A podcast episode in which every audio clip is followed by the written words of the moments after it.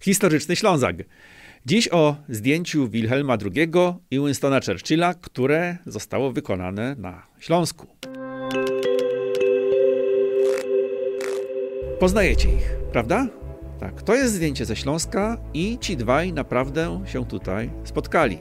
No, trudno nie poznać cesarza Wilhelma II, przez górnoślązaków zwanego zdrobniale Wilusiem.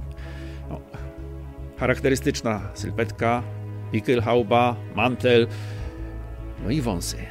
Wąsy, e, które pielęgnował niezwykle starannie i e, w którym to celu specjalnie na dworze cesarskim zatrudniano na etacie fryzjera, e, którego jedynym codziennym obowiązkiem było dbanie o cesarskie wąsy, a zwłaszcza ich odkręcanie. Kto jest obok Wilusia? Ano Winston Churchill.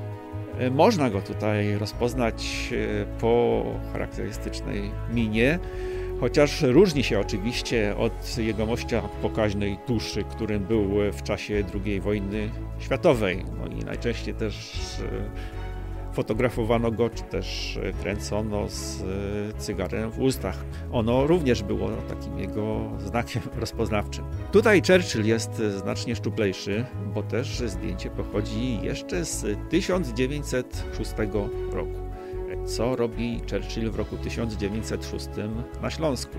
Ano uczestniczy w manewrach niemieckiej armii, które odbywały się pod Wrocławiem i które, bo lubił, zaszczycał także swą obecnością jako głównowodzący niemieckiej armii cesarz Wilhelm II. W tych czasach Niemcy i Wielka Brytania nie były jeszcze państwami wrogimi. Owszem, toczyła się między nimi rywalizacja zbrojeń morskich, jednak Wielka Brytania nie była jeszcze połączona sojuszem z potencjalnymi nieprzyjacielami Niemiec. A wyższe sfery obydwu stron wiązały bardzo bliskie, nieraz serdeczne kontakty. Warto przypomnieć, że sam Wilhelm II był wnukiem brytyjskiej królowej Wiktorii.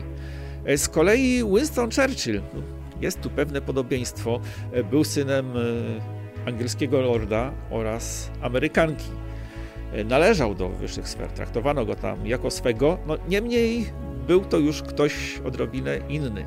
Być może Wilhelm II, który miał szereg kompleksów wobec Brytyjczyków, dostrzegał to. Może nawet widział w Churchillu swego rodzaju bratnią duszę. No. Tego się oczywiście nie dowiemy. Panowie się na ten temat publicznie nie zwierzali.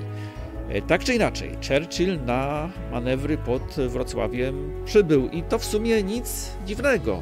Churchill był wtedy politykiem początkującym, ale pod Wrocław trafił przede wszystkim jako oficer brytyjskiej armii i to z niebagatelnym doświadczeniem bojowym.